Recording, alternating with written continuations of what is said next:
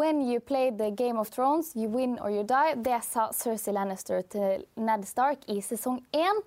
Og nå ser det ut som at egentlig ingen vinner Game of Thrones.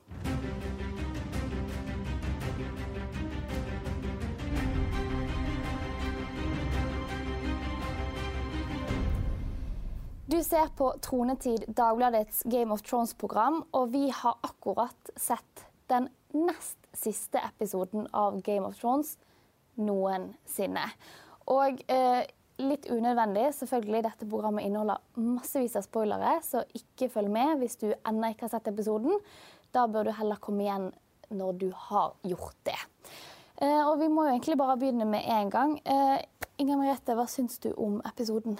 Jeg likte denne episoden veldig godt. Jeg syns den lander med passe, en passe eksistensiell tomhet, eh, tror jeg skal si. Jeg likte den, eh, altså Det en slagtung episode. Jeg likte den veldig mye bedre enn eh, den forrige slagepisoden, nemlig uh, Long Night, som var slaget ved Winterfell. Fordi her var det så mye mer menneskelige uh, Det sto så mye mer på spill da, av relasjoner av Din favorittregissør innfridde?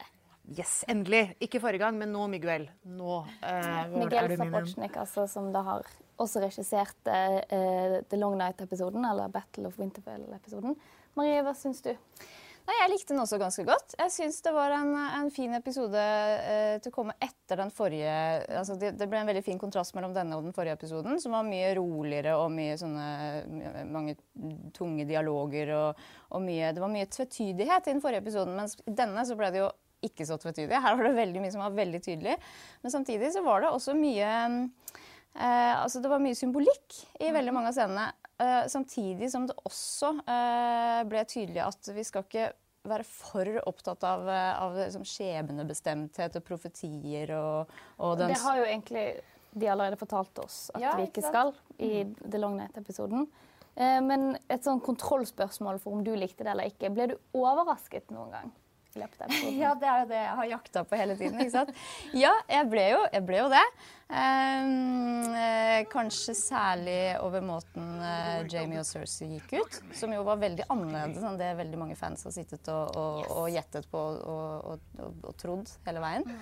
Uh, det det syns jeg faktisk var ganske kult. At de, at de, bare kastet fra seg den ideen om at hun skulle bli tatt av, tatt av dage av sin lillebror. Det var Longcar eh, kvelning, som jeg var overbevist om, siden det var det profetien eh, hun fikk eh, fortalt. Riktignok så jeg må jo også legge til at dette er jo en profeti hun ja. kun fikk i bøkene. Så det kan fortsatt hende at det er noe som kommer til å slå til i bokserien, eh, og at de har helt bevisst utelatt altså den, da, da Cersei fikk fortalt profetien sin i en av de tidligere sesongene, så tok de bort den aller, aller siste delen som, som blir fortalt i bøkene. For da måtte de ikke gjøre det sånn? Måte. Ja, da slapp de det. Og, så, og kanskje de syntes at dette var en mye mer eh, storslagen og visuell måte med det der tragiske kjæresteparet som mm. dør i armene på hverandre. Og det var jo også Det var ganske fint. Jeg ble rørt, og det jeg trodde jeg ikke skulle bli. På tross av mitt ekstremt store hat til Cersei Lannister, så jo det, ble jo det en ny person som vi kan hate enda mer. de klarte å få fram en, en menneskelighet i henne helt til, helt til slutt. Altså, det også likte jeg veldig godt. Vi så henne gråte, og det er lenge ja. siden. Ja. Og det skal jo med at Cersei har tilbrakt veldig veldig mye tid denne sesongen med å stå på et utspring eller et vindu og se utover. Det er jo eh, i, i noen sånne rød fløyel, varianter av rød fløyel. Eh, så det var på en måte mer bevegelse i henne nå, når du på en måte skjønner at, uh, at det er tapt. Da. Men jeg syns også dette var en tilfredsstillende, slu tilfredsstillende slutt på den uh, historien. Og jeg vet at det er noen som syns at det var litt skuffende at de på en måte slutter slik de begynte. da, ikke sant? At, at Jamie, det var henne han skulle tilbake til. Og, og det er når Brienne står og hulker på Winterfell, så er det ikke sant? fordi hun aner at han drar tilbake for å dø, og det er faktisk det han gjør. Eh, men det jeg også likte ved dette, det er at jeg tror ikke eh, Altså, Jeg tror de kunne gjort det at han drepte henne også og utført det og gjort det på en god måte. Altså, dette var en historie der det var flere mulige mm. veier, og de kunne vært håndtert bra. Det var ikke sånn at det var ett dumt valg og et bra valg. Mm. Men det er noe med at dette har vært en så stor del av Jamies personlighet. Da, av hans ja, ja. karakter, av hans vei. Uh, og, og, som har ligget der som en sånn basstone hele tiden. Som en sånn magnet som ligger der og, mm. og drar igjen. Uh, det at han skal, alltid skal tilbake til Cersei. At han ikke bryr seg så mye om de sivile som forsvinner uh, på veien.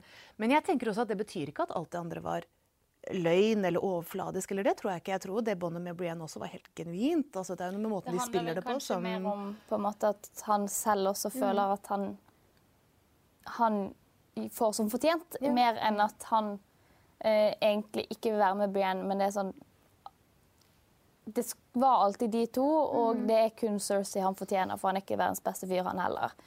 Uh, og vi skal jo også... Og ja. kjærlighet er også kjærlighet. Det er det. Ja, det er jo, ja, det, vi må jo snakke litt mer om den historien. Vi skal gjøre det, vi skal gjøre det for vi kommer tilbake. Vi skal gå gjennom karakter for uh, karakter. Men før vi begynner uh, med den karakteren som på mange måter dominerte denne episoden, så må vi også snakke litt om noe som har dominert internett eh, og eh, mange nettaviser de siste ukene. Fordi at eh, denne scenen dere snakker om nå, er bensin på bålet til veldig mange som ikke liker sesong 8 av Game of Thrones, som er helt lov. Altså, nå har vi jo sittet i to år og ventet på finalen på noe vi har Eller i hvert fall veldig mange har fulgt med på i flere tiår allerede eh, har det blitt. Og når man da på en måte mister litt det egenskapet, det, altså den eierskapen til det, da, i form av at man kan sitte og spekulere og spå og tyde absolutt alltid hver minste detalj og få det da til å passe med at da skjer det. Man blir på en måte fratatt det, og så må man sitte og se på disse to serieskaperne sin historie. Det er ikke lenger på en måte deres historie, eller egentlig kanskje George R. R. Martin sin historie, selv om han har sagt at det skal ende ikke på samme måte. Så må vi på en måte sitte og se på noe som ikke lenger er vårt. da. Og det tar jo folk hardt.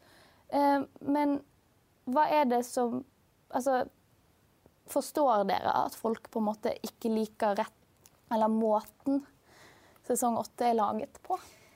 Nå, nå, tror jeg Du har forklart mye av grunnen til at folk, at ja, folk blir misfornøyde. fordi det er jo, Man får jo et veldig sterkt eierskap til noe mm. som man har sittet og brukt så mye tid og tankekraft på. Og sitte, og, altså nettopp noe av det som har vært styrken til Game of Thrones, det har jo vært å, å, å sette i gang alle disse fanteoriene og få folk så engasjerte at de sitter og lager liksom, eh, milelange Reddit-tråder og programmer hvor man sitter og diskuterer hva som kan komme til å skje. Men så, det har jo også kommet og bitt dem i halen. på en måte. Det har også blitt problemet til slutt. Da, fordi at det, når det kommer til stykket, så kan man ikke bli fornøyd når man har så store forventninger til noe. Man, man vil jo bli misfornøyd både hvis man får forventningene innfridd, for da, så, da, blir man jo ikke overrasket, sånn som jeg har sittet og klagd over her flere ganger. Mm. Men hvis man eh, ikke får dem innfridd, så blir man jo også skuffet, fordi det skulle vært så mye større, og hvorfor tar de ikke tak i den teorien og den handlingstråden, og ja, men det der hadde vært mye mer symbolsk, ikke sant? Altså, og den linjen er så bred! Ja. Ja. Altså det er jo, jeg syns alltid det er interessant med eh, sånne eh, fenomener da, hvor det er dette med at eierskapet blir så sterkt at fansen mener at de vet bedre hva som er essensen i denne serien, enn hva serieskaperne selv gjør. Så det er liksom sånn at Hvis serien går en annen vei enn hva man trodde, så føler man på en måte at det er Det er ikke bare at du har skuffet deg, det er liksom at du har skuffet hele universet eh, på sitt vis. Eh, men det, og så er det jo den, og det er en helt reell side av saken, det er at de har speedet opp tempoet. ikke sant? Det har vi snakket ja. om før de siste sesongene. Og det har jo hatt en pris. Altså Jeg tenker jo bare nå som de siste episodene.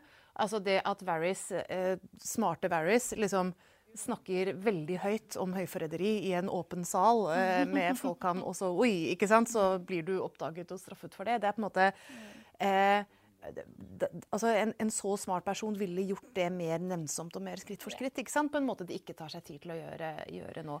Men når Ja, unnskyld. nei, nei, nei. altså Det er jo på en måte altså sånn Uh, selvfølgelig, Det er jo veldig mange som fortsatt liker det. Mm. Uh, og vi tok en sånn liten uoffisiell meningsmåling på Facebook-gruppen vår, Dagbladet, nei, Tronetid, Dagbladets Game of Thrones-program. Og der er det sånn desidert flest stemmer til terningkast fem. Som jo selvfølgelig er jo bra. Det er jo en ganske høy karakter. Uh, men det er også noen som triller en toer. Uh, og det er jo også sier jo litt ja, altså, jeg må vel si det at jeg, jeg syns dette er en opptur fra forrige sesong. Mm. Eh, og at måten de på en måte det på en måte de valgene de gir personen og hvem de plasserer sammen, er jevnt over ganske godt gjort.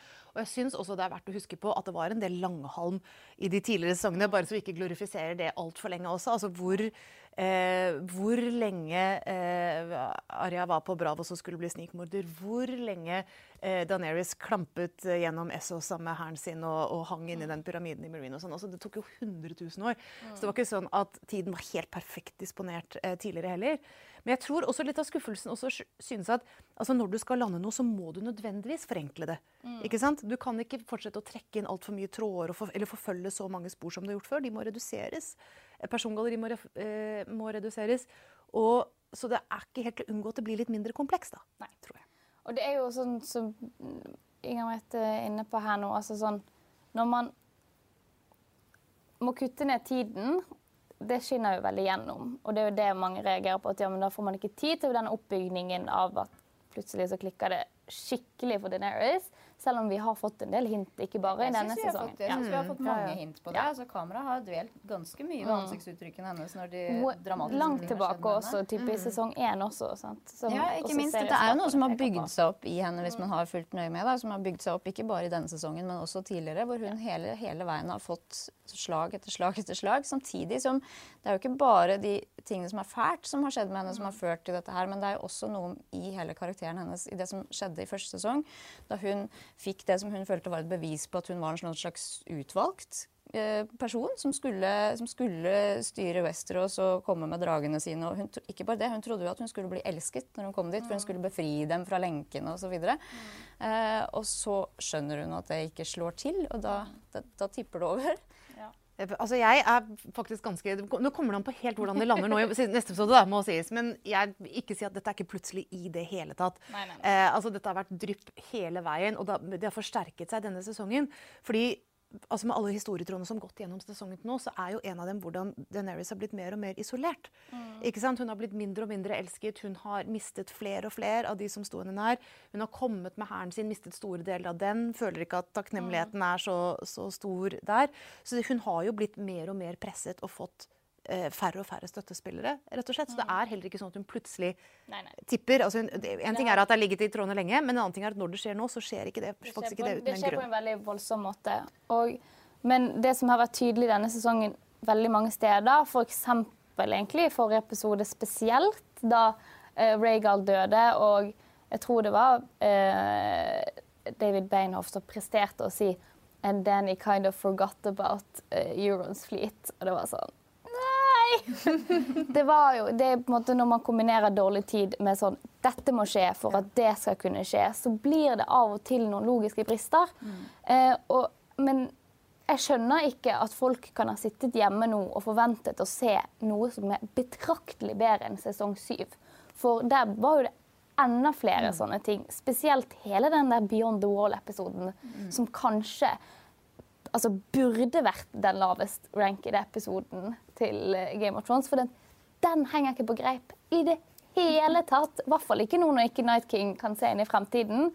Uh, så det var kanskje derfor, for min del, i hvert fall, at når jeg da setter meg, nå setter meg ned og så på sesong åtte, så var det med den episoden mm. i mente. Mm. Og at liksom Jeg kan ikke bli forbanna over at plutselig går det litt for fort, eller at der var det en liten ulogisk brist. Fordi at selv om vi kanskje i var så heldige at vi i sesong to og tre, som kanskje er de, blant de beste sesongene, ikke hadde så mange logiske brister. Mm. Men bare for, bare for å for lite forsvar til Daenerys og dragen her eh, i, i, i, den forrige episoden, så flyr hun veldig lavt, altså, og Dragonstone er høyt. Så det er, det er faktisk mulig, hvis man ikke er obs på denne flåten, og ikke se den. Men hun burde kanskje ha tenkt tanken. Men når det er sagt, så er det jo også altså, De har jo det, det, ulogiske ligger jo ikke i karakteroppbyggingen. Der har de jo faktisk vært veldig, veldig nøye med å vise mm. hvordan ting skjer, eh, særlig på Daenerys. Mm. Og det er jo også hele denne måten, eh, forskjellen på måten hun ble tatt imot i Marine eh, av dragene Nei, dra, dragene, sier jeg. Av slavene som kaller henne for, eh, for uh, Mysa. ikke sant? Og måten, den forskjellen på det og måten hun blir mottatt når hun kommer til Westeros og til Winterfell, hvor folk driver og skuler på fremme, yes. de fremmede som kommer til dem. Altså, alt dette, det er jo et, det er jo et sjokk for henne. Mm. Uh, hun, hun uh, blir overhodet ikke mottatt på den måten som hun hadde forventet. Og, og, så tipper det kanskje over helt til slutt, i den scenen eh, i dagens episode hvor hun eh, prøver å kysse John, eh, og kanskje heller ikke får akkurat den reaksjonen. Hun skjønner at det er et eller annet der som er i ferd med å endre seg. Og så sier hun at OK, da får de frykte meg, da. Yes. Da velger jeg det. Ja, for vi ser Jeg tenker også det. Åh, dette med Daenerys. Altså, Ja. Grunnen til at jeg syns det er tilfredsstillende løp, da, med igjen det forutsetning at vi får se eh, hvordan det slutter. Men altså, hvis Daenerys ikke hadde hatt det der hintet av galskap ikke sant? Du, hvis, hvis du ikke hadde sittet og lurt litt på kommer hun til å bli The Mad Queen, eller kommer den delen av henne til å tøyles, så ville Daenerys vært en fryktelig kjedelig eh, karakter. Da ville hun bare vært en sånn idealistisk, eh, fri slavende, eh, eh, vakker, eh, sterk, eh, god leder. ikke sant? Da vil det bare åh, gjesp. Altså, hva, hvorfor skulle du gidde å følge med henne på en dag i det hele tatt?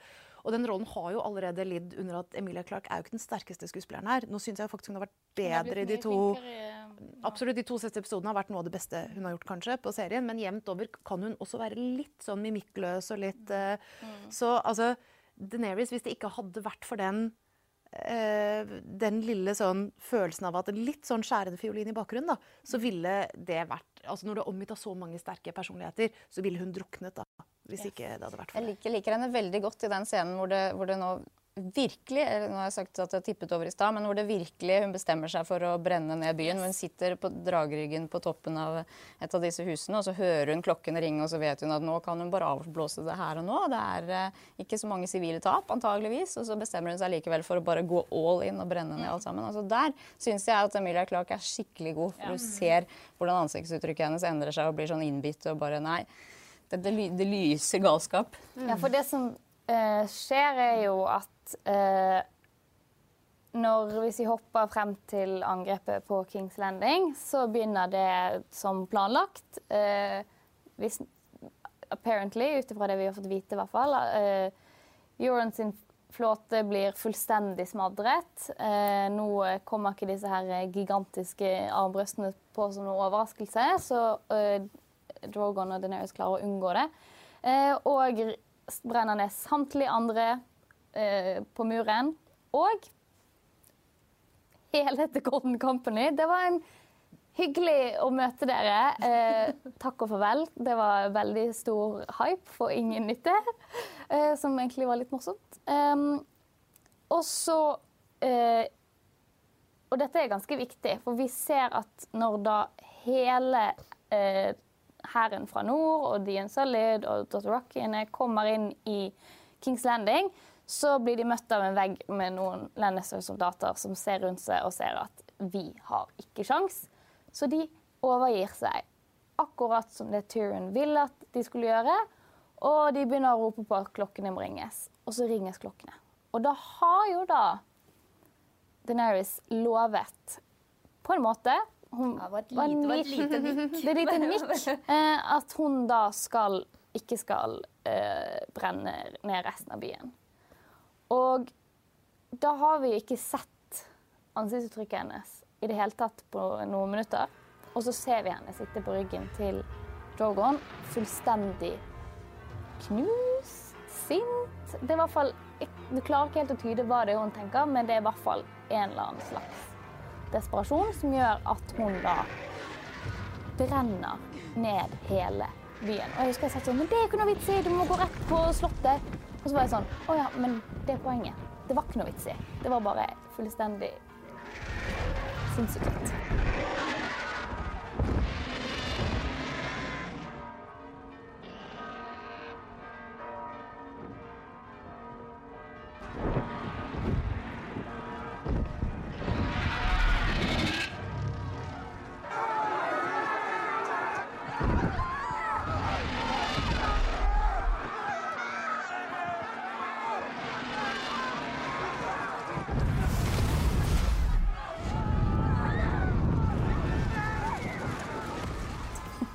Ja, så er det en slags nihilisme. Da. Altså det at når man ikke føler at det som man kan vinne, er verdt å vinne. på en måte. Altså når det har vært så mange tap og så mye ødeleggelse at man nesten bare fortsetter den veien. Det er et trekk som faktisk både Cersei og Daenerys eh, har. da.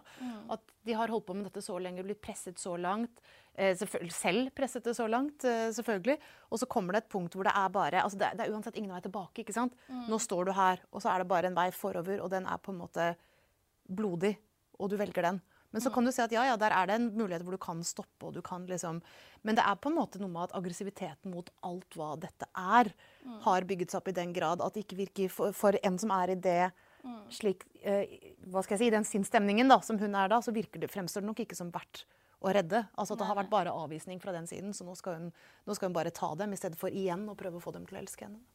Sånn sett så syns jeg det er litt ålreit måten de har bygd opp eller, eh, eh, karakteren som, som The Mad Queen. Da. Vi har jo fått to gærne dronninger her, egentlig. Eh, men særlig hos Daenerys så har vi jo fått følge henne på veien fram mot den galskapen.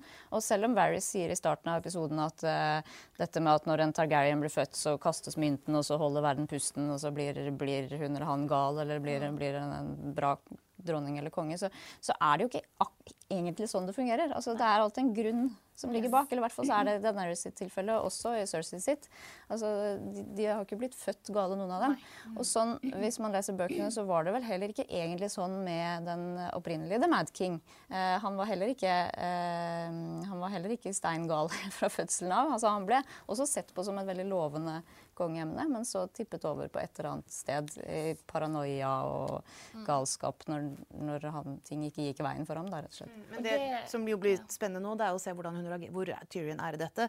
Eh, han er jo fremdeles i Kings Landing, og det er veldig tydelig med at hvis han skuffer henne igjen, så er det for siste gang. Yes. Og det gjorde han jo. også her, så her kommer det en konfrontasjon som også kommer til å være Man kommer til å se akkurat i hvilken grad den galskapen arter seg i den, med den Daenerys er nå. Da. Men Akkurat angående det Marie sa om at det er grunner til at det er blitt sånn, det, påpeker, det, altså det understreker jo også serieskaperne i eh, Inside Episode, som legges ut eh, på HBO rett etter episoden eh, lagt ut. Eh, hvor at eh, ja, det er alle de små tingene. Og så viser de tilbake igjen til midten av sesong én, hvor Viserion dør.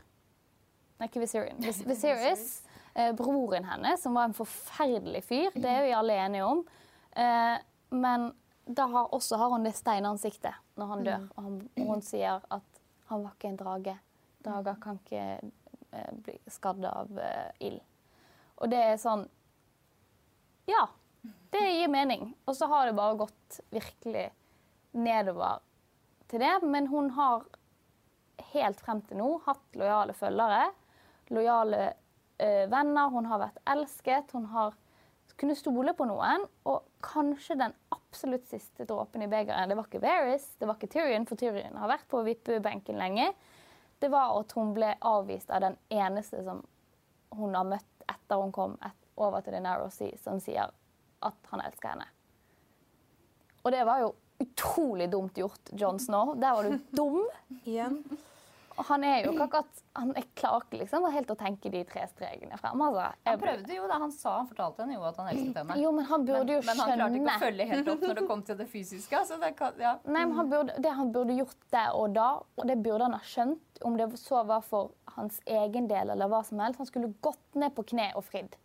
Han skulle gjort det. Han, altså, Ja. sånn, det men spørsmålet er jo hadde det Det spørs om hun ville ha sagt ja til å bli dronningen hans. Altså, hvis de Jo, men hvis han sa liksom jeg skal være sånn som eh, han mante til queen Elizabeth Hun hadde vel kanskje innsett at det ikke ville vært aktuelt. Det har ikke vært så lett for prins Philip, skal jeg si. Så det, Nei, det har det ikke. sikkert, eh, Eh, Han har slitt. Um, Men det er en annen TV-serie. Uh, Ja, men det er jo, men ikke sant? Dette er jo igjen apropos at ting ligger der som en, en iboende del av folks karakter. Da. Det er ting ved dem som forandrer seg, og så er det sider av dem som ikke forandrer seg. Eh, og den liksom årente galskap har ikke forandret seg hos, eh, hos uh, Daenerys. Den delen av Jamie som har den der avhengighets, nesten kjærligheten til Cersei, har ikke forandret seg, selv om det har vært mye annet som har skjedd da og det har vært andre bånd. Eh, og den derre ærlighetsaddiction som John driver med, er jo dessverre Klarer ikke å lyve. Nei. Og Det kan du rettferdiggjøre med hvis vi bare fortsetter å lyve, så betyr ingenting ingenting lenger. Og det er fint det, altså, John, men eh, iblant så uh... Ikke tenk lyke, men bare holde kjeft. Eh, men eh, noe som er veldig fint, eller noe som var veldig kult med Altså, alt var egentlig veldig kult med Daenerys eh, sin Selv om det var forferdelig. sin massakre av Kings Landing. Det var jo at det siste nærbildet vi ser av Daenerys, er jo når hun sitter på drageryggen til Drogon og har disse 100 000 følelsene inni seg. Og det er sånn en halvtime før episoden er slutt. Så i en halvtime så ser vi ikke Daenerys. Og det er dødskult. Og i teaseren til neste episode så er det eneste vi ser av henne, er bare en så vidt litt av ryggen hennes. Eh, så det er sånn helt åpenbart veldig kult fortellergrep gjort av serieskaperne. Og bare sånn Der sluttet hun å være en person vi på en måte brydde oss veldig om. da. Ja, Mer masseødeleggelsesvåpen enn person. Mm. Ja. Yes. Og noe annet også som var kult med denne, med, med denne scenen, var at vi fikk da Vi så ett av bildene, og vi skjønte det andre bildet. Uh, fra Deneris sitt syn i The House of the Undying i uh, sesong to. Hvor hun ser noe fremtidsblikk, og da eh, ser hun Eller man tror, man tenker i hvert fall at det må være fremtiden. Og da ser man en dragere fly over Kings Landing. Det var akkurat det samme bildet vi så nå, med skyggen av Drogon over Kings Landing. Og så ser vi jo også at et- at eh, jerntronesalen er liksom fullstendig ruinert, og det ser ut som det snør. Men det er ikke snø, det er aske. Og det, det bildet får vi garantert hvert fall se i neste episode. Men Jeg tenker jo også at det var eh, en annen, en av, en, Det er mange grunner til at Daenerys har tippet over her, men en annen grunn er jo også den eh, i likhet med, at i likhet med Cersei så har hun også trodd ganske mye på profetier. Eh, og hun har jo også fått en profeti eh, om at hun skulle bli eh, bedratt eh, tre ganger. Eh, hvis jeg ikke husker helt feil, så var det vel en gang for gull, en gang for blod og den siste, og siste gangen for kjærlighet. Og de to første gangene det har allerede skjedd eh, tidligere i sesongen, så hun har på en måte gått og ventet på at hun skulle bli bedratt for kjærlighet på et eller annet tidspunkt. så Og jeg hun hoppet så raskt til tenker vel at hun kanskje nå føler at hun har blitt bedratt av John. da. Mm, ja, ja, Eh, Da han, ja, da han eh, fortalte eh, videre til Sansa og Arya. Og Det var jo derfor hun også snudde seg automatisk da Tyrion kom inn og, og sa at det er John som har bedratt meg. Fordi hun har ventet på at den hun elsker, skal gjøre noe sånt mot henne hele veien. Men det må jo også sies at hun har jo helt rett. Altså På en måte er det jo litt paranoia og det er litt sånn hvem, hvem, hvem. Men hun blir jo det. Altså I det øyeblikket Sansa sier det. Hvorfor sier Sansa det? Det er jo selvfølgelig for å eh, s- Ikke sant? Hun, altså Det at noen vil hindre henne i å nå den tronen hun alltid har ment at hun skulle nå, det er jo bare Sånn er det jo. Det er jo bare, det er faktisk vår realitetsorientering, selv om det får litt eh, ekstreme utslag. Eh, vi skal komme litt mer tilbake til både Deneris og John når vi snakker om litt hva vi ser for oss skal se i den, skje i den siste episoden. Eh, men eh, vi skal ha, eh, må også snakke om Tyrion. Eh, altså det skjedde jo så mye i denne episoden, men hvis vi bruker litt grann tid på eh, Tyrion, for det var jo ikke så veldig bra episode for han denne episoden heller. Ja, han, har gjort Eh, noen, han har gjort noen store feilsteg eh, gjennom hele sesongen nå. Um, jeg syns det er litt fascinerende at en sånn, eh, en sånn eh, slagepisode som dette her har klart å få også gi rom for ganske gode skuespillerferdigheter hos flere. Vi har snakket om Daenerys, men også Peter Dinkler, som spiller Tyrion. Syns jeg gjorde en fantastisk jobb i en av mine favorittscener her, som var den eh, scenen mellom han og Jamie på, før slaget, hvor de møtes og har en sånn Det er en, det er en farvelscene. Ja, Eh, siste farvel. ja, og det vet de begge to. og det er en av de få gangene hvor vi ser Tyrion tårene renne hos ham. Eh, Og Jamie. ja, ja, han også. Det er, det er et utrolig nært og fint øyeblikk mellom de to brødrene. Eh, og jeg syns at særlig da Peter Dinklage gjør en fabelaktig jobb. Ja, han gjør mye upopulære valg, eller vanskelige valg i den episoden. Først så velger jo han å sladre på Varys til Deneris. Eh, hans andre bestevenn i livet, utenom Jamie.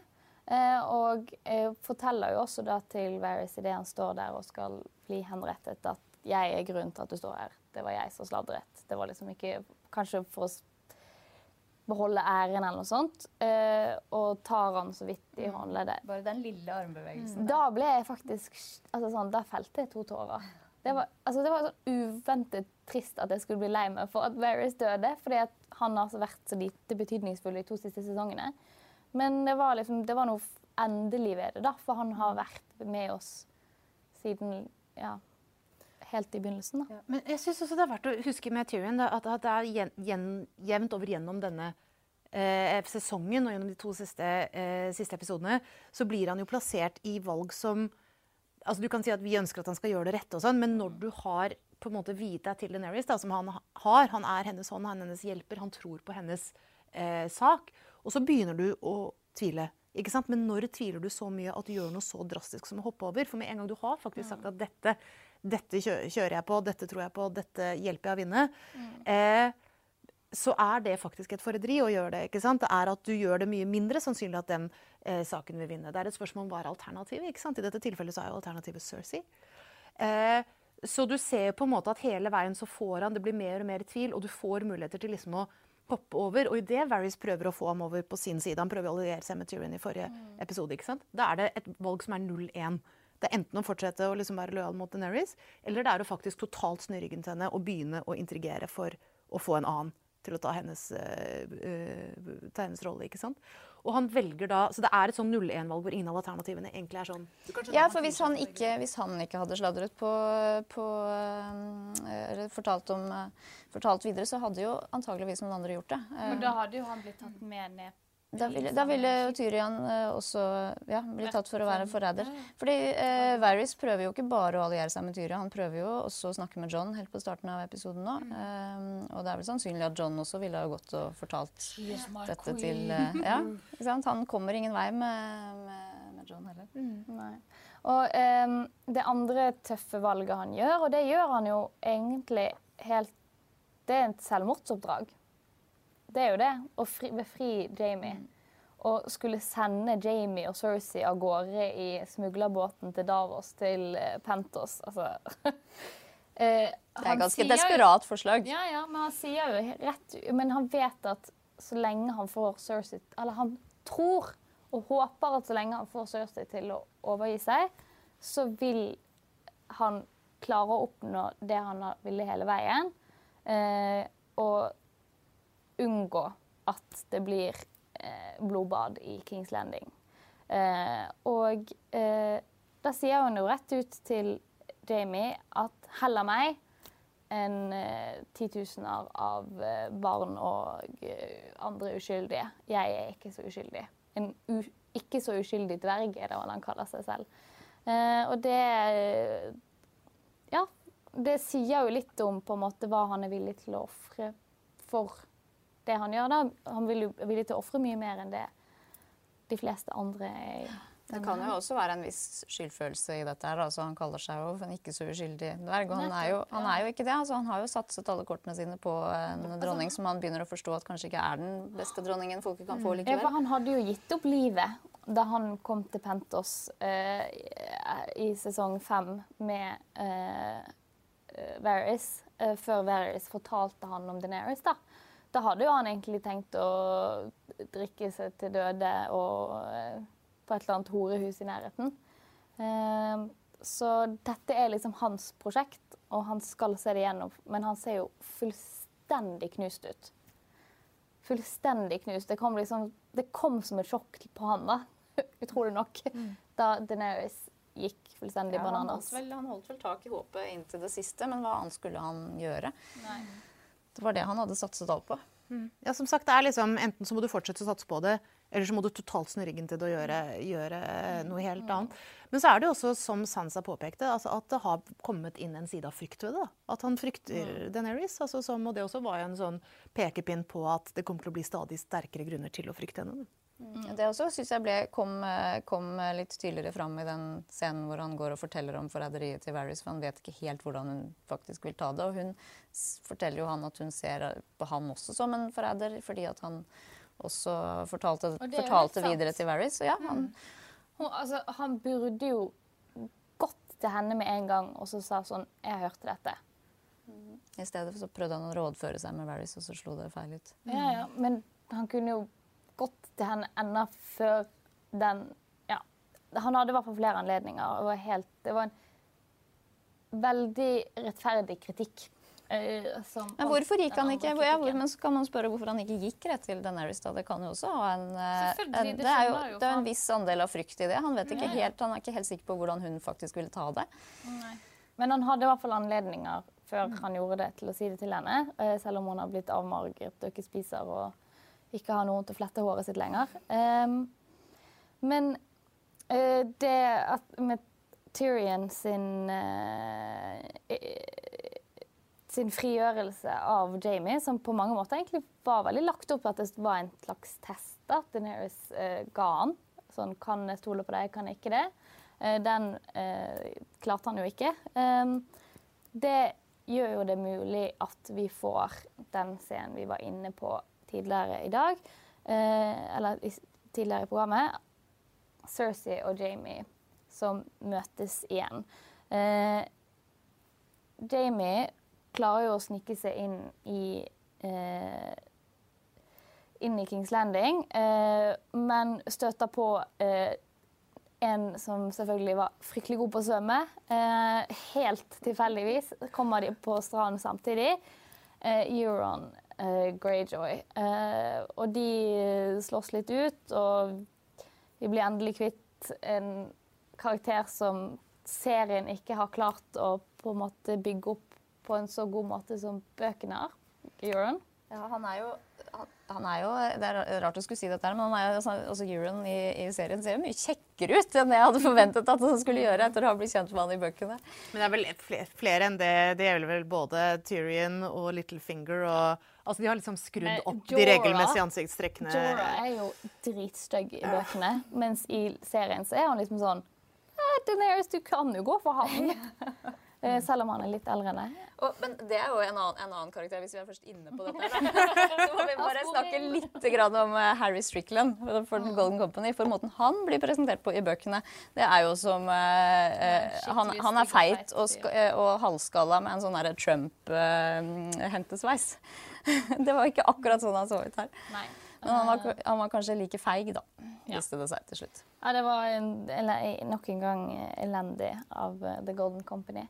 Men uh, men vet du hva? Jeg, jeg, er faktisk ikke så mye mot at Euron har vært Nå kjenner ikke jeg bøkene, men jeg har tenkt at han bare har gått rundt der som en sånn Altså, jeg føler at jeg ser hva slags type fyr han er i det virkelige liv, på en måte. En litt sånn eh, eh, vill i blikket, sånn thrill seeker som bare liksom drar rundt og høy, og blir høy på seg selv og på prosjektene sine.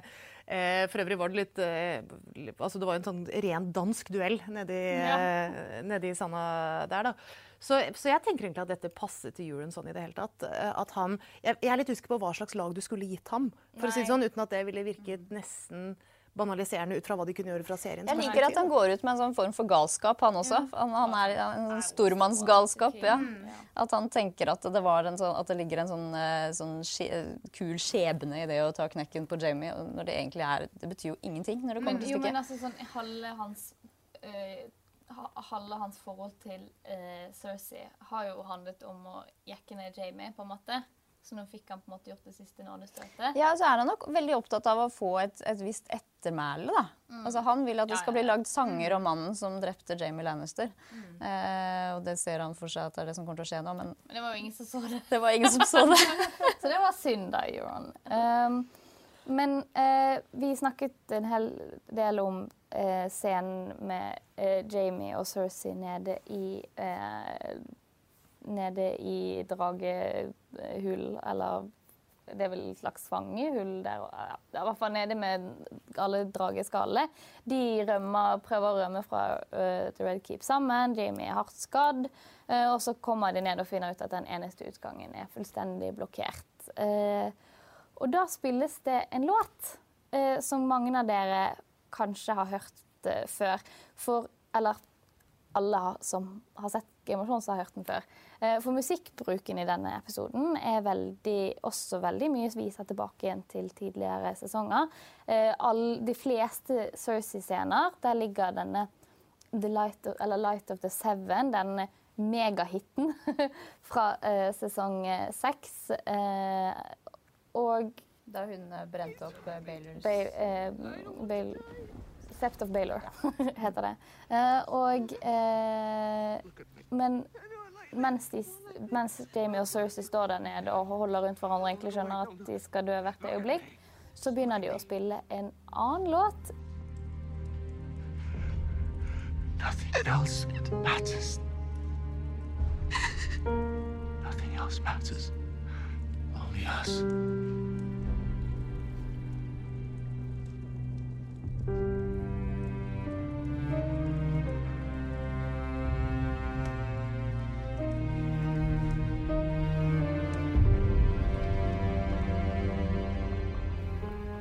Hvilken låt er det, Marie? Det er jo The Rains of Castamere. Yeah. en eh, låt som har fulgt familien Lannister eh, gjennom mange år. Helt siden de gjorde slutt på The Rains of Castamere, som en eh, familie de har ligget i krig med. Eh, på brutalt vis ved å drukne dem alle sammen eh, etter at de hadde barrikadert seg inn i en sånn underjordisk del av slottet sitt. Det var en ganske fæl historie. Men så gjentok jo Tywin Lannister, Lannister den samme bragden, kan man si, da han sviktet Stark-familien og, og allierte seg med Frace. Og, og det ble da The Red Wedding. Og den episoden heter vel Den heter The Rains of Castamere, og det er jo fordi at i det øyeblikket da Rob og Caitlyn Stark forstår, tror jeg, at de har blitt bedratt, at de, de begynner er å forstå hva som skal skje, det er når bandene i bryllupet begynner å spille The Rains of Castamere. Og det er ikke akkurat en partylåt. Det er jo ikke det. Den er veldig eh, trist og rolig, og det handler jo om masse massemord, eh, men også egentlig om alt Lannister-familien var villig til å gjøre for å få makt. da. Men, ja, men så har du også, fordi én ting er at dette er på en måte eh, Lannister-familiens gamle synder som kommer og, og eh, tar dem igjen og innhenter dem og stiller dem på en måte til ansvar. ikke sant? At det er gamle spøkelser som henger rundt. Men jeg syns jo også det er faktisk en liten sånn poesi i det at hvis du ser tilbake på The Red Wedding, som var organisert av Lannister-familien, da, det som skjer der, er jo at et par, en mann med en gravid kone, blir drept. Og hva er det som skjer i denne scenen? Ja. Det er jo at en mann og en kvinne som er gravid med hans barn, som tilhører den familien som la det bakholdet for det forrige. forrige. er Det er deres endelikt. liksom-. De, om de ikke drukner i vannet, så drukner de i Mm. hvert fall i, i murstein. Men jeg merker også at, at jeg liker også at hele veien altså Det er en fin blanding med at det er noe litt sånn skjebnetungt ved det. ikke sant? Og, det er, og den profetien som faktisk går i oppfyllelse, er jo dø da Jamie sa at han skulle dø i armene til kvinnen. Ja, han, han ville- elsker, han han ville det. det. Og, og det var jo det som skjedde eh, her. ikke sant? Men samtidig så er det fremdeles dette håndgripelige, tilfeldige ved det. Det er ikke sånn at de bare er en sånn nesten sånn Antonius og Kleopatra-selvmord. De prøver faktisk å komme seg vekk. De prøver å finne veier. Cersei sier at hun vil ikke dø. ikke sant? Hun vil ha dette barnet. Og hun var gravid, som jeg trodde hele veien. Men så er det det at ja, det er nettopp det. Og så er det det at ja, men den er blokkert fordi det raser sammen rundt dem. Altså Det er også det med at Iblant så er det så enkelt også, da. ikke sant? Det er ikke sånn at man velger blir man å dø, velger man å flykte. Man prøver faktisk å komme seg ut, men da er det for sent. Da. Det er jo noe, det er noe veldig skjebnetungt med Mm. hele måten de går ut på. For jeg har jo også hatt en følelse av at uh, historien til Jamie og Cersei har jo vært, den har vært utrolig tett knyttet sammen. Det er den store, tragiske kjærlighetshistorien hvor de bare ikke klarer altså de, de er så tett knyttet til hverandre at det er ingen annen vei ut. da. Jamie har jo på en måte forsøkt uh, litt med Brienne. Eh, og jeg tror nok, jeg, sånn som dere andre sier også, at han faktisk eh, hadde sterke følelser for henne. Men så viste det når det kom til stykket at de følelsene han hadde for Cersei, det var noe som dro i han enda sterkere. Altså han, de ble født sammen, og de, de var på en måte skjebnebestemt til å dø sammen. Da viser jo historien deres her.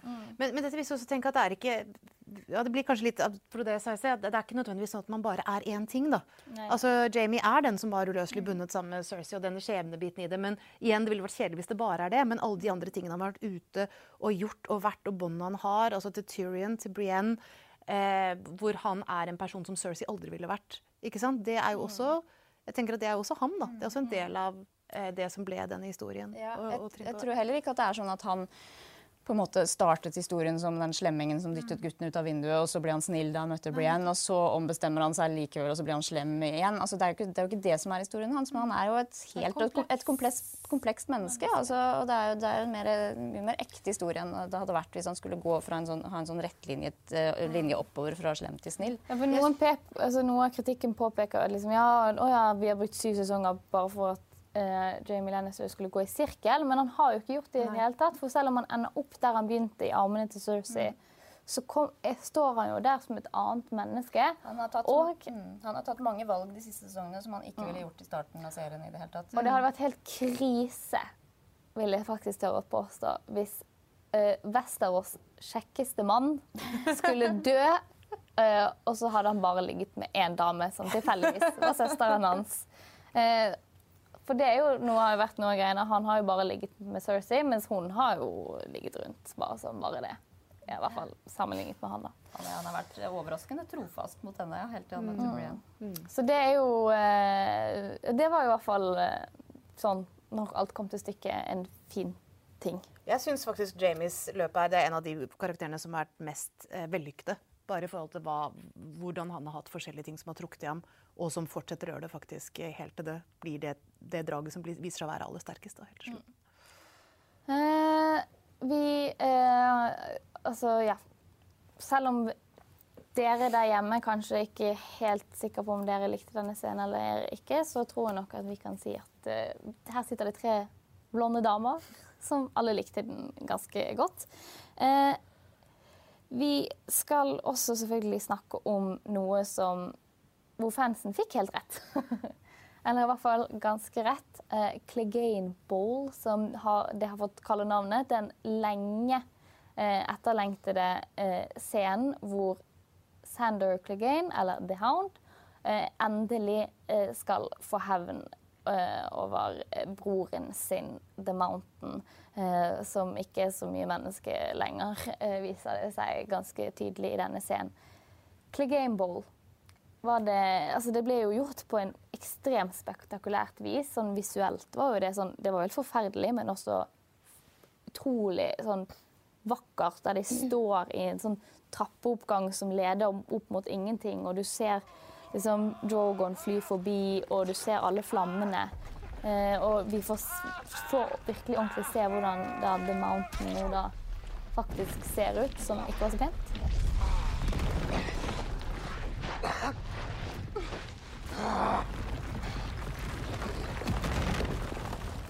Hva syns dere om eh, denne et, lenge etterlengtede og forutsette scenen? Eh, Jeg syns det var veldig flott, og ikke minst, som du sier, altså at det ikke bare blir sånn basketak nede i et eller annet lite rom. Men at, og fordi det, det er jo på en måte interessant nok at Euron og, og Jamie er de som får duellen sin egentlig på sånt lite sted der ikke ikke sant? Det er bare sånn eh, mann mot mann som egentlig baser rundt eh, en stund. Og det var flott, det var ikke det, men, men det er liksom den mer sånn egentlig den minst spektakulære kampen. Mens dette er jo på en måte staged oppå den trappen med, og det er nesten det som er det flotte ved det, er omgivelsene. Du ser skyggen av dragen som glir over dem med jevne mellomrom. Så du får jo følelsen av at dette er en av de virkelig store duellene. da. Mer enn du får med den forrige. Det var jo kjempeviktig med den scenen. Altså, når den har blitt bygd seg opp eh, gjennom så mange sesonger, og vi har ventet på den så lenge, så jeg tror det var ekstremt viktig for fansen at dette ble gjort til noe utrolig stort. Og jeg, ja, jeg føler jo at det ble innfridd. Absolutt. Eh, det, og det var, noe, det var jo en veldig sånn eh, det var, På en måte så var det jo den scenen eh, altså Det var en kamp med mann mot mann og, og, og veldig sånn eh, um, tydelig scene i den forstand. Så var det jo også mye fantasy inni her. i Det at han eh, jo ikke, rett og slett ikke var levende egentlig, den eh, bro, broren Han, til han var jo Han- White Walker. ja, så, så han kunne jo ikke altså, det, var jo, det var så mange ekko av andre scener her. Eh, ikke minst den der eh, fra da Arya dreper The Night King. Det var, det, den, den scenen gikk jo litt igjen her, hvor, hvor uh, Sandor Clegane prøver å gjøre det samme med broren sin. Han blir holdt opp i lufta, så prøver han å stikke av, men det nytter jo ikke, for denne fyren her kan jo ikke drepes. Det var jo så, han var så mye vanskeligere å ta enn The Night King når det kom Det var faktisk helt sykt å se tilbake på det. Sånn, ja, det var vanskeligst å drepe The Night King, Til slutt så begynner, til slutt så begynner jo Sander Clegane bare å le. fordi det, altså, Han har ventet på dette så lenge. og så bare, Jeg har ventet på dette, og det, det er jo umulig. Det går ikke. Jeg kan, jeg kan faktisk ikke ta livet. Og det øyegrepet, som er jo da også en sånn tilbakekall til eh, kanskje den verste drapsscenen i hele Game of Thrones, Ja. er altså Han er i ferd med å gå ut på samme måten som Oberyn Martell Ja. eh, gjorde. Med, I rettssaken Ja. til Tyrion. da han eh, bare, rett og slett bare trykket inn øynene og sprengte ja. Det var Vi trenger ikke å gå så i detalj, kanskje. Men, eh, men man kan jo også lure litt på altså, akkurat hvor død levende er. For her har jo eh, Altså eh, fjellet er, da. For her har jo eh, han gått rundt og vært helt uten initiativ eller vilje eller følelse. Og så er det akkurat broren, da. Der er det åpenbart en liten rest igjen som gjør at han trosser det ordret fra de som på en måte har laget ham, og som eh, egentlig er en slags over, overherrer da, over alt han Ja, foretar seg.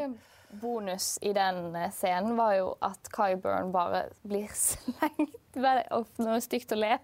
Men blir liksom slengt veggimellom og drept da av dette her vesenet han har laget. Så det var jo ekstremt karma. Frankensteins monster. Ja, ja.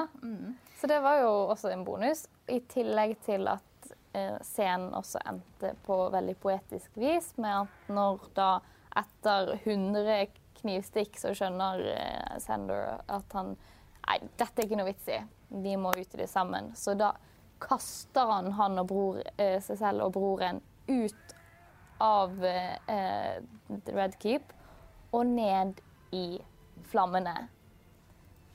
Han skulle jo dø i flammer. altså Det var jo Ja. det var skjebnebestemt. Med broren, eller personen som gjør at han er redd for flammer i utgangspunktet.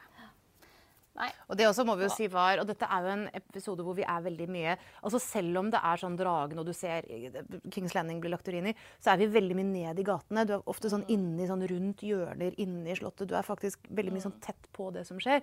Mens dette er jo en av de scenene der du virkelig kommer sånn får sånn hvitt bilde ut av det, at du ser liksom dimensjonen over det hele. Da. Og så ser du bare de to små skikkelsene som faller ned. Eh, så det, det var så fint å bruke, tenker jeg, å bruke den scenen, som er en litt sånn andektig scene med tanke på den dramatiske kurven her, da, hvor også kameraet bare sånn seiler ut som en fugl, slik at du også får liksom det store bildet. Eh, og akkurat de, de, de to skikkelsene plassert i det. Det har vært jobba veldig bra i denne episoden med kontrastene mellom det store og det lille. Og her har jo Aria blitt brukt eh, veldig som, Ja. som en slags sånn representant for oss, eller for småfolket da, eh, nede på, på, eh, på bakken. Og det, også, det også funka veldig fint i den scenen med kryssklippingen mellom henne og, og The Hound. eh, Da de begge to ligger nede og ser ut som Aria kommer. Skal, skal hun dø i dette her, liksom? Det har vært nedtur. Ja, Men, og måten de også henter inn denne moren med, med barnet som, som Aria møter igjen flere ganger. Og, øh, altså, det er ikke bare disse eh, lordene og ladyene på en måte, vi følger. Vi får også se, virkelig se effekten på, på de vanlige menneskene. Men dette er jo også litt av grunnen til at jeg jo som sagt liker denne episoden bedre enn eh, det slaget ved Winterfell. Og her er det jo altså, ikke sant, De har visse sånn fellestrekk. ikke sant? Det var de to store slagene vi visste kom denne sesongen. Eh, men også det som var litt ved slaget ved Winterfell, at der er det de levende mot de døde. Det er ganske lett å heie på ikke sant? de levende. Eh, og de døde er på en måte, de er ikke kjøtt og blod, det er bare å måke dem ned. Det er litt det samme som eh, som i tolken, da, med orkene, er at det gjør det veldig enkelt for deg som tilskuer. Fordi de andre er ikke enkle mennesker. ikke sant? De er ikke enkle, de er under det menneskene er. Mens her får du slag i all sin gru. Da. Det er mennesker i kjøtt og blod. Det er soldater som er livredde. Det er foreldre som prøver å passe på barna sine. Eh, og selv om det er sånn rått parti her, da, ikke sant? at det viser det seg jo eh, å være, så er det en sånn følelse av hvordan det kanskje må føles å bli invadert. Da, rett og slett. Å, bli eh, utsatt for bombardement og, og prøve å passe på dine når det ikke er noe sted å gå. Og der synes jeg at den der panikken da, i rommene man prøver å gjemme seg i gatene, i sånn rundt et hjørne Nei, der er det noe, så må du løpe en annen vei. Altså Måten det er fanget på, er veldig fint. Altså, dette er som sagt litt av grunnen til at jeg har veldig tro på han eh, Sapochnik. Da, at han er en av de jeg, regissørene jeg virkelig heiet på i, i serien. Og Det, jeg, jeg, jeg, jeg, satt og tenkte på det da, da jeg så at de begynte med å, å, løpe, Da soldatene begynte å løpe inn i Kings Landing, så satt jeg og tenkte sånn Og jeg håper at ikke dette bare blir en sånn scene hvor du ser dem som en sånn målrettet masse med folk som skal ta de andre soldatene og komme seg fram til Cersei. Jeg håper at, han liksom, at de klarer å få fram litt hva det handler om å være i krig. da. Uh, the spoils of war, som har vært uh, sånn tidligere uttrykk i serien. Og, det, og dermed så ble jeg så glad da det kom en sånn scene hvor en av soldatene er i ferd med å liksom prøve å voldta en dame. da. Og så, Ja, der, en av der får jo soldatene til John. ja, ja, nettopp. Altså, en av de som vi skal heie på. Eh, Uh, gjør, for dette er noe som skjer i krig. Det er jo sånn, det, man har ikke kontroll på, på mannskapet sitt, og det er sånn som John ikke hadde her. Det var jo en scene hvor han får lov å vise seg som en helt. Da. Ja, og Eh, Aria nesten blir drept av noe Dr. Rocky og sånn. Ja. For det er det som, noe av det som gjør denne episoden så bra, og det selvfølgelig kulminerer jo ekstra med hele Daenerys eh, blir masseødeleggelsesvåpen, eh, er jo at vi, den, den linjen mellom hvem vi heier på, og liksom mellom det gode og det onde, som har vært tematisk gjennom hele Game of Thrones. Og altså, man kan jo også si at George R. R. Martin sin, sine fortellinger er egentlig bare masse argumenter på du, hvorfor du bør være pasifist. Men eh, ja, det er den derre Du på en måte heier Plutselig så begynner du å heie litt på Cersei igjen, og så heier du litt på de, og så heier du litt på de, og så er det sånn Du blir liksom ikke sittende igjen og tenke sånn Å ja, de vant, og det var bra. Eller Og de vant, og det var dårlig. Det, du sitter i en sånn ambivalent følelse igjen. Altså, jeg har alltid tenkt at Jo mer ambivalent Game of Thrones blir, jo bedre er det. Altså, jo mer den holder deg selv deg som tilskuer ut av likevekt, da. Jo, mer, jo mer spennende er det. Og, og, apropos det, så må jeg nå igjen må jeg, min mann Seporchnik, jeg må skryte litt av ham igjen, da. Men noe han alltid har vært veldig god på, for han er en veldig god sånn slagregissør. Det er han de tauer inn for å gjøre Hard Home og Battle of the Bastards og alle de store slagene, ikke sant. Men når det gjelder en måte han gjør det på, så velger han ikke det som ville vært klisjeen, ikke det som ville sette to streker under det som skjer. Fordi selv om dette er en krigsscene der det er veldig mye ubehag, selvfølgelig, for, det er voldtekter, det er barn som dør, det er ka blodig kaos, det er jo, eh, så er det nok av anledninger her til å gi på enten med sånne eh, triste fioliner fordi mange dør, eller med liksom pauker og basuner fordi det er hærer og slag. Men han gjør litt det samme som han har gjort i noen andre episoder, at han har denne litt sånn skjærende stryker under. Det er noen litt sånn rare rytmer i den musikken. Det er bare et litt sånn eh, Det er noen sånn jagende rytmer under som bare aldri egentlig mye pust. Veldig, ja, veldig pust, veldig puls, veldig og, og veldig følelse av at noe er litt off. da, ikke sant? En uro. Det er som om musikken bidrar til at du sitter der litt sånn, litt sånn åndeløst, øh, men som ikke legger føringer for deg. Ikke sant? Som ikke gjør sånne åpenbare emosjonelle valg for deg. Nå skal du føle det, Nettopp. derfor så har vi den musikken, eller. Og det har jo egentlig denne sesongen gjort ganske bra, syns jeg, sammenlignet med en del andre episoder tidligere. Det, at det, er faktisk ganske mange scener som vi kan sitte og diskutere i det, i det uendelige. Hva var det egentlig som skjedde der? Hva var det han mente med den replikken, og hva var det, var det de skulle nå? Det, er, det har vært mye tvetydighet, og det liker jeg også veldig godt. Og, og du kan si også, fordi jeg, jeg er jo helt enig med deg i at i forrige episode så var det mange muligheter for tolkninger. ikke sant? Det var mange åpninger videre. Eh, denne episoden har ikke undertekst på, på den måten. Men den skaper et ganske komplisert politisk kart. Altså du kan si at Selv om det ikke er så mange scener der vi lurer på hva som skjer, så kan vi sitte og lure på hvordan bereder dette grunnen for hvordan dette faktisk skal lande. Så det er fremdeles mye å, å snakke om etter dette det- på en litt annen måte. Og en av eh, de karakterene som har litt sånn tvetydighet over seg faktisk i denne episoden, eller vil man begynner å Altså sånn Kanskje i tillegg til Daenerys så Nei, alle går gjennom ganske store ting i denne episoden. Eh, men hvor man faktisk begynner å se en forandring hos noen, i mine øyne i hvert fall, det er Aria. Som vi var litt inne på uh, i sted, at hun er mye nede hos folk og er serieskaperne har puttet henne blant der for å få oss til å føle med folket, og dermed også skjønne hvor idiotisk Daenerys sin oppførsel er. Eh, men vi ser at hun og The Hound kommer til Kings Landing sammen. De klarer å snike seg inn i byen og inn i The Red Keep. Eh, men under angrepet til Daenerys så stopper The Hound Aria og sier du skal ikke være med meg resten av veien. Eh, se på meg. Se, vil du bli sånn som meg? Altså, vil, jeg tolker det som Vil du ha et liv hvor livet ditt kun dreier seg om å få hevn? For det er jo egentlig det livet til Aria også har vært. Eh, bare at eh, det har, hun har hatt det livet enda lenger. eh, og eh, da gjør hun faktisk som hun får beskjed om en gang. Da. Hun snur og går, men før hun gjør det, så sier hun Sandor.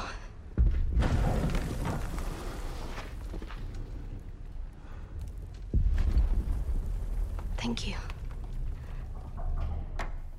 Sander, tusen takk. Og det var sånn omtrent første gang hun kaller han Det er nesten, For, det er eh, ikke mange ganger i serien vi har hørt eh, navnet bli brukt. Nei, han har vært hele Ja, og i hvert fall ikke fra Aria, som har liksom gått fra han til så å like eh, Nei, til til å så like han, og nå kanskje egentlig ganske glad i han. da.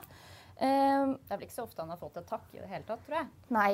Og ja, så får ikke da Aria strøket Cersei av sin liste, men hun får jo helt åpenbart en ny på den listen sin, hvis det er det hun skal, måtte, skal fortsatt skal ha, da. Eh, For vi ser jo da en ny Aria som da løper, flykter for livet sitt. Hun har fryktelig langt fra The Red Keep til porten.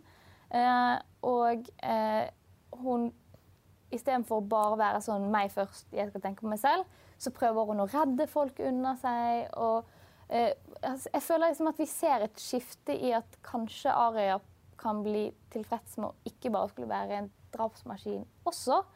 Selv om jeg tror at hun kanskje kan bidra til at Daenerys får et uunngåelig dødsfall i neste episode. Eh, så kan jo det plutselig kanskje være at hun kommer tilbake til Winterfell likevel, da, som hun sa at hun ikke hadde planer om å gjøre i forrige episode. Ja, Arya er jo kanskje en av de som, eh, hvis vi skal se for oss at noen skal ta livet av Daenerys i siste episode, så er jo hun en av de få som man kan se for seg at kan gjøre det. Men samtidig så ja, hun fikk et, eh, karakteren fikk et lite skifte i denne episoden her, og det var noe av det som jeg likte godt. Fordi eh, det har dreid seg ganske mye om oppfyllelse av skjebner gjennom hele, i ganske lang tid for veldig mange av karakterene. Altså Sander Clegane fikk sin skjebne oppfylt. Eh, eh, og det samme med Cersei og Jamie, selv om de på en måte ikke oppfylte den siste delen av profetien som vi har ventet på. Eh, men, uh, Daenerys, nei, men Aria ble på en måte et liksom bevis på, på en, en, en sånn, um, noe av det som jeg føler har vært et liksom budskap her, uh, men ikke så veldig tydelig.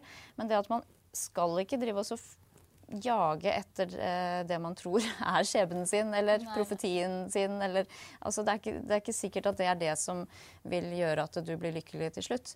Og det er det hun blir minnet på av Sander her, at eh, du tror at det har vært hele din altså, bygget din identitet på denne lista, og på det at du skal eh, ta hevn, men det er kanskje ikke det som er eh, det smarteste å gjøre Forskjell, når det kommer til stykket. Den største forskjellen på, ja, på The Hound og Aria er jo at kanskje altså, han sier jo til Ari at uh, 'hate is as good as any reason to keep a man going', eller uh, noe sånt.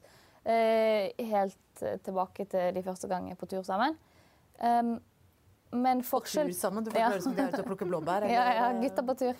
Men den Men das, forskjell på de to sånn, og det har det egentlig vært hele veien, at mens Sander kun er drevet av hat, så er vel Aria vel så mye drevet av kjærlighet.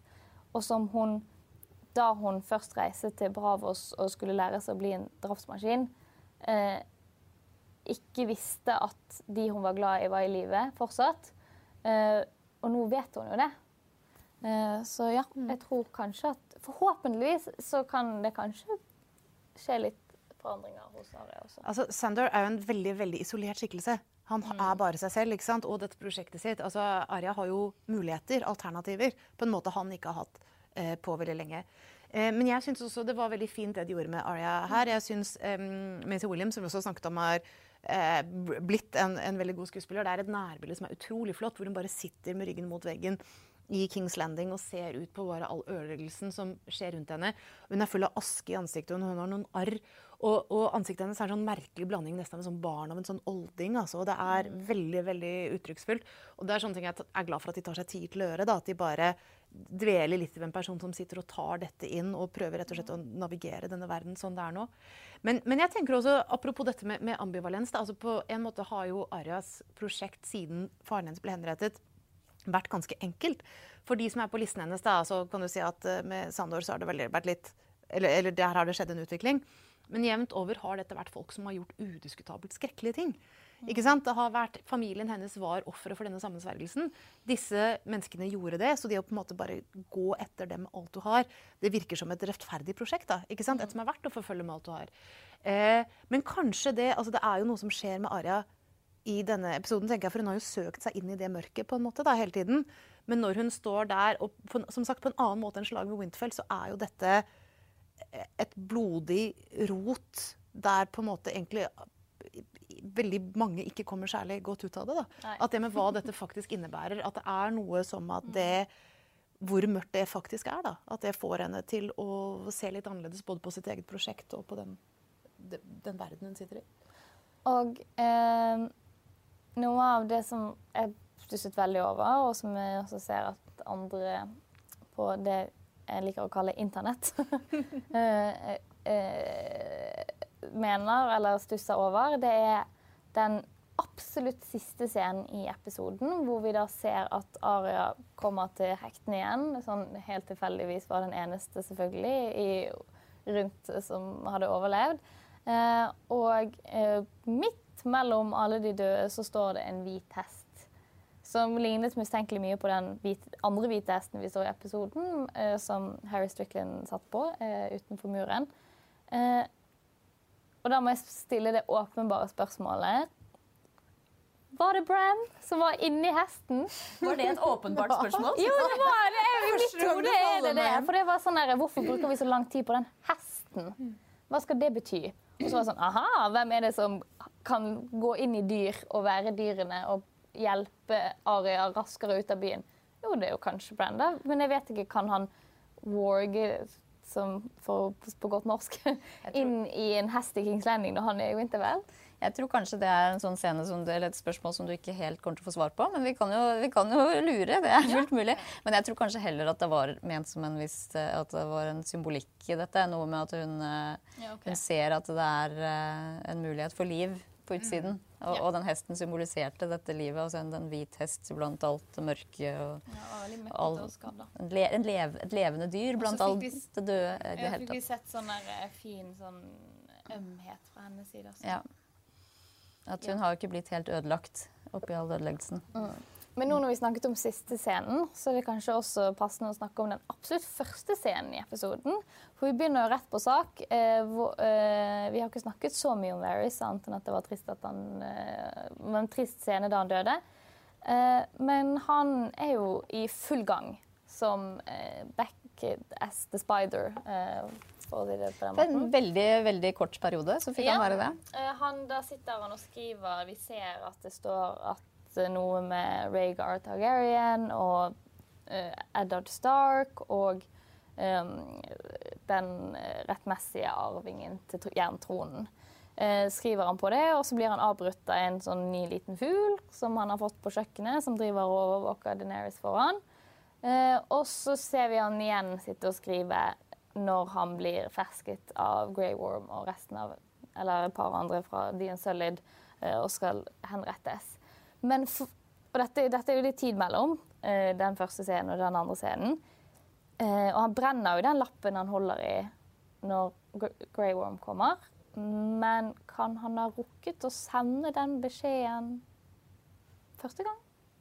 Eller kan han ha rukket å sende det første brevet han skrev? Jeg tror ikke vi har fått sett dette brevet uh, hvis, uh, uten en grunn. Så jeg tror nok at han har sendt det til noen. Kanskje han til og med har sendt flere. Det så ut som han satt og skrev på flere lapper her. Så spørsmålet er hvem han har sendt det til, og hvem som er det i det hele tatt noen igjen som kan komme inn som en uh, ekstra joker her nå. Jeg tror kanskje det. Um, Hvem skulle det vært, da? han, han kan ha sendt det til Old Town, til, ja. til mesterne der. Um, uten at det nødvendigvis uh, behøver å bety så mye. Um, kan han ha sendt det til noen andre store hus i Westeros? Altså, det er vel én De nevner Dorn. Dorn Ja, der har det kommet en ny prins. Mm, så han kan ha sendt det dit. Eller så er det vel noen som vi ikke har sett i sesongen som jeg tror skulle dukke opp. Eh, han eh, broren til eh, Stark. Ja, Tully. Ja, Han- han, må jo han Han, jo- lever jo. Han har, han har jo sittet i fangenskap. eh, eh, Barnet sitt og ja, ikke sant? Eh, så kanskje vi får et gjensyn med han. Eh, det, er vel fortsatt, ja, det er vel fortsatt noen mennesker igjen i Westeros som kan Ja, og- finne på å støtte opp om John. Og hvis jeg ikke husker feil, Da uh, Varys først begynte med denne planen sin, så snakket han jo om at John fordi folk er trukket mot ham fordi han er mann osv., så, videre, så vil han være lettere å selge. på en måte. Det vil være flere som vil støtte hans saken, som vil støtte Daenerys.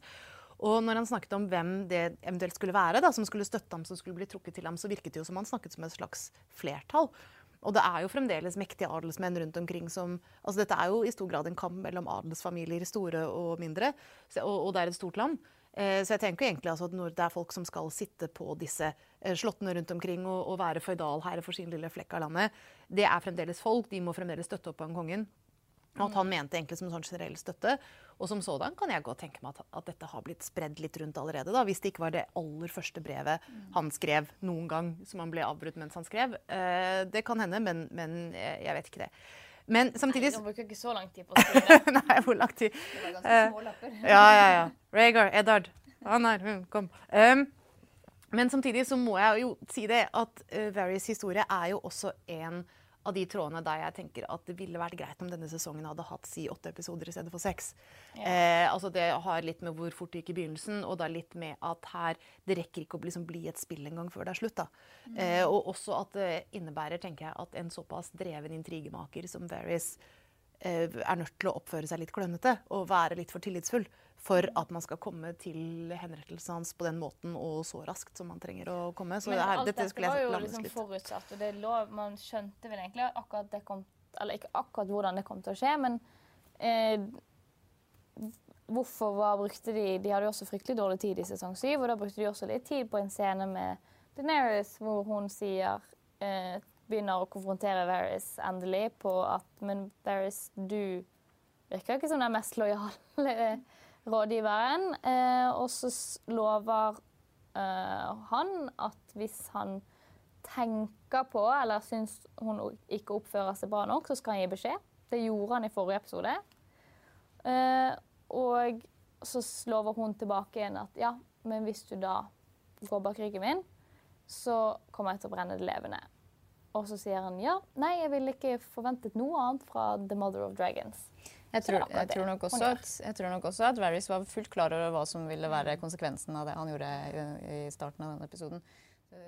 Det, var ganske tydelig. han var heller kanskje ikke, så trodde kanskje heller ikke at han kom til å komme levende ut av det. Han heller, nei. Nei, um, mye, mye folk som døde i denne episoden. Både folk vi har heiet på, og folk vi plutselig begynte å heie på igjen. Eh, Men eh, vi må jo også se fremover. Eh, eller ja, en uke frem i tid så eh, sitter hele verden og enten ser på eller akkurat har sett den aller, aller siste episoden av Game of Thrones. Og det er veldig rart. Nå, det blir sånn, så blir nesten litt sånn rørt. så, jeg har så sovet for lite i natt. Um, men da skal vi avslutte dette. Og da har vi da eh, en del løse tråder. Eh, og før vi snakker om de løse trådene, så kan vi se på de få, eh, men likevel dramatiske bildene HBO eh, har eh, lagt ut fra neste episode allerede.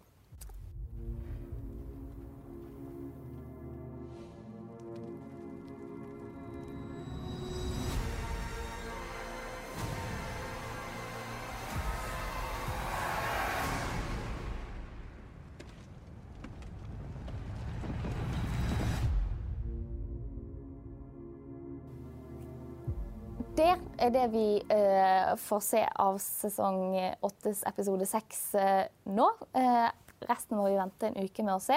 Men samtidig så gir disse få veldig korte glimtene oss litt informasjon. Kanskje ikke så mye mer enn det vi allerede tenkte oss til selv. Kings Landing ser jo helt forferdelig ut.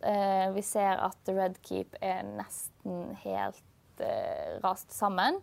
Eh, og vi ser at Davos og John eh, spaserer gjennom eh, ruiner og med godt, hodet godt bøyd ned og kanskje litt skam, skamfull over at de har vært med på dette. Eh, Tyrion er det mye fokus på. Han også er jo heller ikke så fornøyd.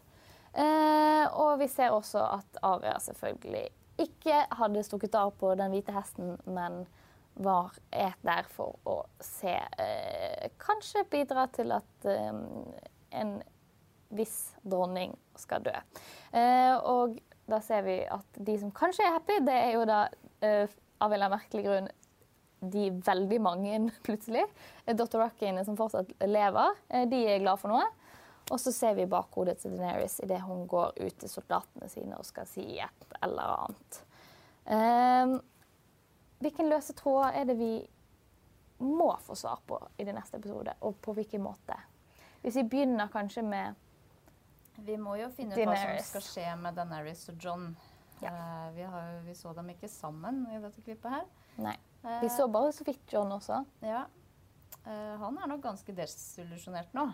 Ja, altså, for Han er jo helt åpenbart forferdet over det som skjedde i forrige episode. Han rømte jo byen med alle soldatene sine, eller for utenfor muren. Eh, og eh, ja, jeg tror ikke han går på ned på kne nå, i hvert fall. Eh, tror du Men, at altså, spørsmålet blir ja. vel snarere hvilken rolle han kommer til å spille i å stanse Daenerys. For det vi Ja. ser i denne scenen, det er jo en diktator blir til. Ja. Det, det er jo en militær, militær diktator, som går, en dispot, som er på vei til å, til å ta over. Eh, så, men hvorvidt det er John som kommer til å spille en aktiv rolle i å stanse Daenerys, eller om det kommer til å være noen andre. Altså, det er jo interessant at Arya er igjen i Kings Landing. Det tyder jo på at hun har en rolle å spille i dette. Eh, men, men det, og det at John og Daenerys kommer til å nulle hverandre ut på en eller annen måte, det føler jeg også litt sånn har ligget i kortene en stund. Eller i hvert fall at, at den splittelsen kommer til å være veldig vesentlig for det som skjer. Men jeg må si at jeg håper litt at det ikke blir John som liksom vinner og blir kongen etter dette. Og fordi da blir det litt Nei, jeg tror ikke det. Jeg håper ikke det. Han vil jo ikke ha det.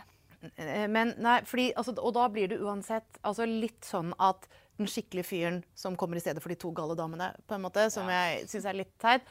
Og, og særlig også fordi han åpenbart har betydelige eh, svakheter som leder. Og, men, men det jeg håper litt, som jeg fester litt lit til her, da, det er at eh, de har jo, altså, dette har jo serieskaperne åpenbart signalisert veldig veldig tydelig ut. Bare for et par episoder siden så så vi jo John få masse kred for å gjøre ting som egentlig Denaris hadde gjort bedre, og ikke få nok kjeft for ting vi vet ikke har vært spesielt smart av ham. da. Så, så jeg håper ikke han nå bygges opp som der kommer den store avbalanserte greie lederen. Jeg håper det blir mer komplisert enn det. Jeg tror ikke John kan bygges opp på den måten. Altså, for det har, jo ligget i, det har jo egentlig også ligget i kortene hele veien. Altså, helt siden han fikk eh, vet, no, no, de, som hører på, de som hører på oss, de kan ikke se T-skjorta mi nå, men det var en grunn til at jeg tok på meg You Know Nothing-T-skjorta i dag. Mm. fordi eh, John Snow har jo hele tiden vært en figur som ikke har visst alt. Altså, han, han har tatt noen ganske lite smarte avgjørelser i det siste. Og han har, vært, definitivt ikke forutsett hva som skjedde i, i ukas episode. Og det eh, gjør han litt egnet til å sitte på toppen, han også. Um, jeg tror jo, jeg er enig med deg at det har ligget i kortene hele veien dette at de kommer til å nulle hverandre ut på et eller annet tidspunkt. Ikke minst eh, i tittelen på bokserien, 'A Song of Ice and Fire', eh, som handler om eh, hva som skjer når Eller det handler om et møte mellom Iloise. Og hva er det som skjer når Iloise møtes? Altså det, det, ingen av dem vil stå igjen. Så, så sånn sett så håper jeg jo Altså det føles mest riktig at begge to forsvinner ut på et eller annet vis. Og så, har jo Daenerys også blitt eh, Det ser vi også i disse klippene her. Hun har blitt eh, the queen of ashes, som har vært en sånn annen teori eh, Ja. på, på hvordan det hele skulle Ja, ende. for det har hun også sagt sånn at eh, jeg kom ikke her for å være the queen of ash, ashes. Altså, Ja. no, og det sa hun til Tyrion. Nå står Tyrion og ser på Så at det er hun har jo- akkurat det hun blir. Og hun har blitt akkurat det som hun har sagt hele veien at hun ville stoppe. Hun skulle, hun skulle redde folket fra tyranner, og så er hun i ferd med å bli en sjøl. Men det, poenget hun. er, hun er blitt den sjøl. Men det er jo ikke blitt noe igjen å, å styre over. Altså, hele byen ligger jo i grus. Jeg vet ikke om det eh, Det får vi sikkert se i neste episode om det i det hele tatt fins en jerntrone igjen. Men jeg har jo hele tiden eh, veddet mest på det at det ikke kommer til å sitte noen på jerntronen når, når det kommer til stykket, når, når avslutningen kommer. Fordi det ikke kommer til å være noe å styre over. Jeg kan også legge til at jeg synes egentlig det er litt ålreit, for dette, det som skjer med Daenerys, er jo egentlig en parallell til noe som har skjedd med mange diktatorer. ikke sant? De begynner jo veldig ofte som opprørshelter Ja. ikke sant? og rettferdige eh, ledere som skal på en måte knuse urettferdigheten. Så ender de opp med å bli det de sa de skulle styrte. Eh, og, og det også hvor altså jeg bare, Dette med den morsrollen som hun hele tiden har, har sagt at hun skulle ha, hun skulle knuse lenken og alt det der. Altså, Både Ceaucescu i Romania og Gaddafi i Libya ha, altså, he, Frem til det punktet hvor de var totale despoter, så så de på seg selv som en slags foreldre da, for folket. Men det var liksom at folket var blitt en slags abstrakt ting. på en måte. Altså at De så på seg selv som folkets representant i den grad at alt de gjorde, var på en måte rettferdiggjort av det. Eh, altså Kona til Ceaucescu sa jo det de ble slept vekk for å bli henrettet. At ja, men har, jeg har jo vært som, mor, som en mor for dere. Eh, Så det er på en måte et eller annet som, som sklir over i hodet ditt. Det har virkeligheten, Ja. eh, mye av dette, og det er jo som vi ser denne scenen fra teaseren hvor Daenerys liksom går ut på den trappen og sånn. Det er jo tatt ut fra på en måte hundrevis av lignende filmer hvor man ser eller, altså, serier hvor det er en slags sånn diktatorskikkelse. Men vi er i hvert fall ganske enige om at Eller er vi det? OK, kort, ra- kort og greit. Dør Daenerys i neste episode? Ja. Definitivt. Eh, kan vi holde en knapp på at det enten er John eller Aria som har nådestøtte? Det virker sannsynlig, men jeg, jeg håper jo igjen at jeg blir litt overraska. Ja. Eh, At hun forsvinner på et annet vis. Kanskje, kanskje det er eh, dragen hennes som eh, vender seg mot henne på samme måten som eh, eh, The Mountain gjorde mot sin herre til slutt. Altså, den, de som står igjen, som kan gjøre noe her, enten ved å drepe Daenerys eller ved å sitte på tronen, hvis den fortsetter å finnes, eller begge deler, det er vel uh, John, Arya og Tyrion. Og så har du kanskje Gendry som en sånn lite villkort, men jeg tror ikke han eh, helt kommer tilbake. Så det er, det er de tre som kommer til å spille de avgjørende rollene her. Og så håper vi også at ikke det, alt bare skal skje i ruiner av Kings Landing. Jeg håper jo at hvis det var sånn at uh, Various fikk sendt av noen fugler, Uh, at vi får se litt grann, eh, konsekvensen av det. At vi får se uh, hvem som Eller hva som Hvordan Sansa reagerer på det som har skjedd. Eller at vi liksom de karakterene vi kanskje sa ha det til i forrige episode, at vi kanskje i hvert fall får se litt sånn at vi, altså Ikke at vi skal ha sånn som i Harry Potter 19 år senere, men at vi i hvert fall får en slags avrunding på noen av de løse Ja. trådene. Sansa føler jeg der er, der, henne er vi nødt til å se. Ja. Ellers så blir jeg veldig skuffa. Ja. Ja, for det har ikke vært noe sånn klar avslutning. Nei, Nei men eh, det er i hvert fall eh, Vi vil jo ikke liksom pekulere for mye heller, og bare så det er sagt, vi holder oss langt unna lekkasjer, og synes også du bør gjøre det samme, for da er jo det ikke noe gøy. Eh, men vi må jo innom eh, siste post, eh, dødsbingo. Det var veldig, veldig, veldig mange påmeldte til denne ukens dødsbingo, som jo da er kjempegøy. Det var jo ganske tydelig at mange kom til å dø, og det var veldig mange som var inne på riktig. Og en av de som var inne på riktig, det var Fredrik Akselsen. Du får en melding av oss snart. Og eh, for eh, neste uke så blir det ikke dødsbingo, for det blir litt sånn Det er ikke så mange å ta av igjen. Eh, men Med mindre alle dør. Kanskje alle dør. ja, men det, Alle nei, men det, har, det har jo George R. Martin sagt, at det blir ikke sånn at liksom Ja, ok. alle bare eh, Jeg tror jeg han har sagt det i et intervju. Eh, kan være at jeg husker feil. Men eh, om du tror det står igjen en jerntrone eller ikke, hvem er det som vinner Game of Thrones?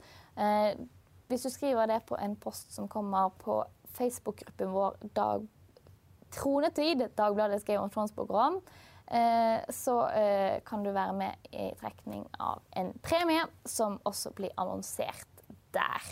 Er det lov å svare ingen? Det er lov å Ja, men hvem vinner? Ja, men det må være lov å svare ingen. Ingen Selvfølgelig lov å svare ingen, men hvis, ingen, hvis det er noen, så vinner du ikke. så eh, ja. Eh, skriv ett, eh, kanskje maks to navn. Kanskje? Ja. I hvert fall et eller annet. Skriv i noe. Vi kan være litt klarere i beskrivelsene på Facebook-posten.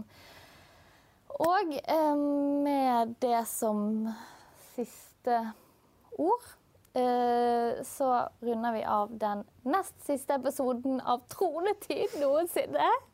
Det er også litt vemodig. Eh, vi ses igjen om en uke, eh, og eh, håper at den neste uken går fryktelig fort. Takk for at du så på.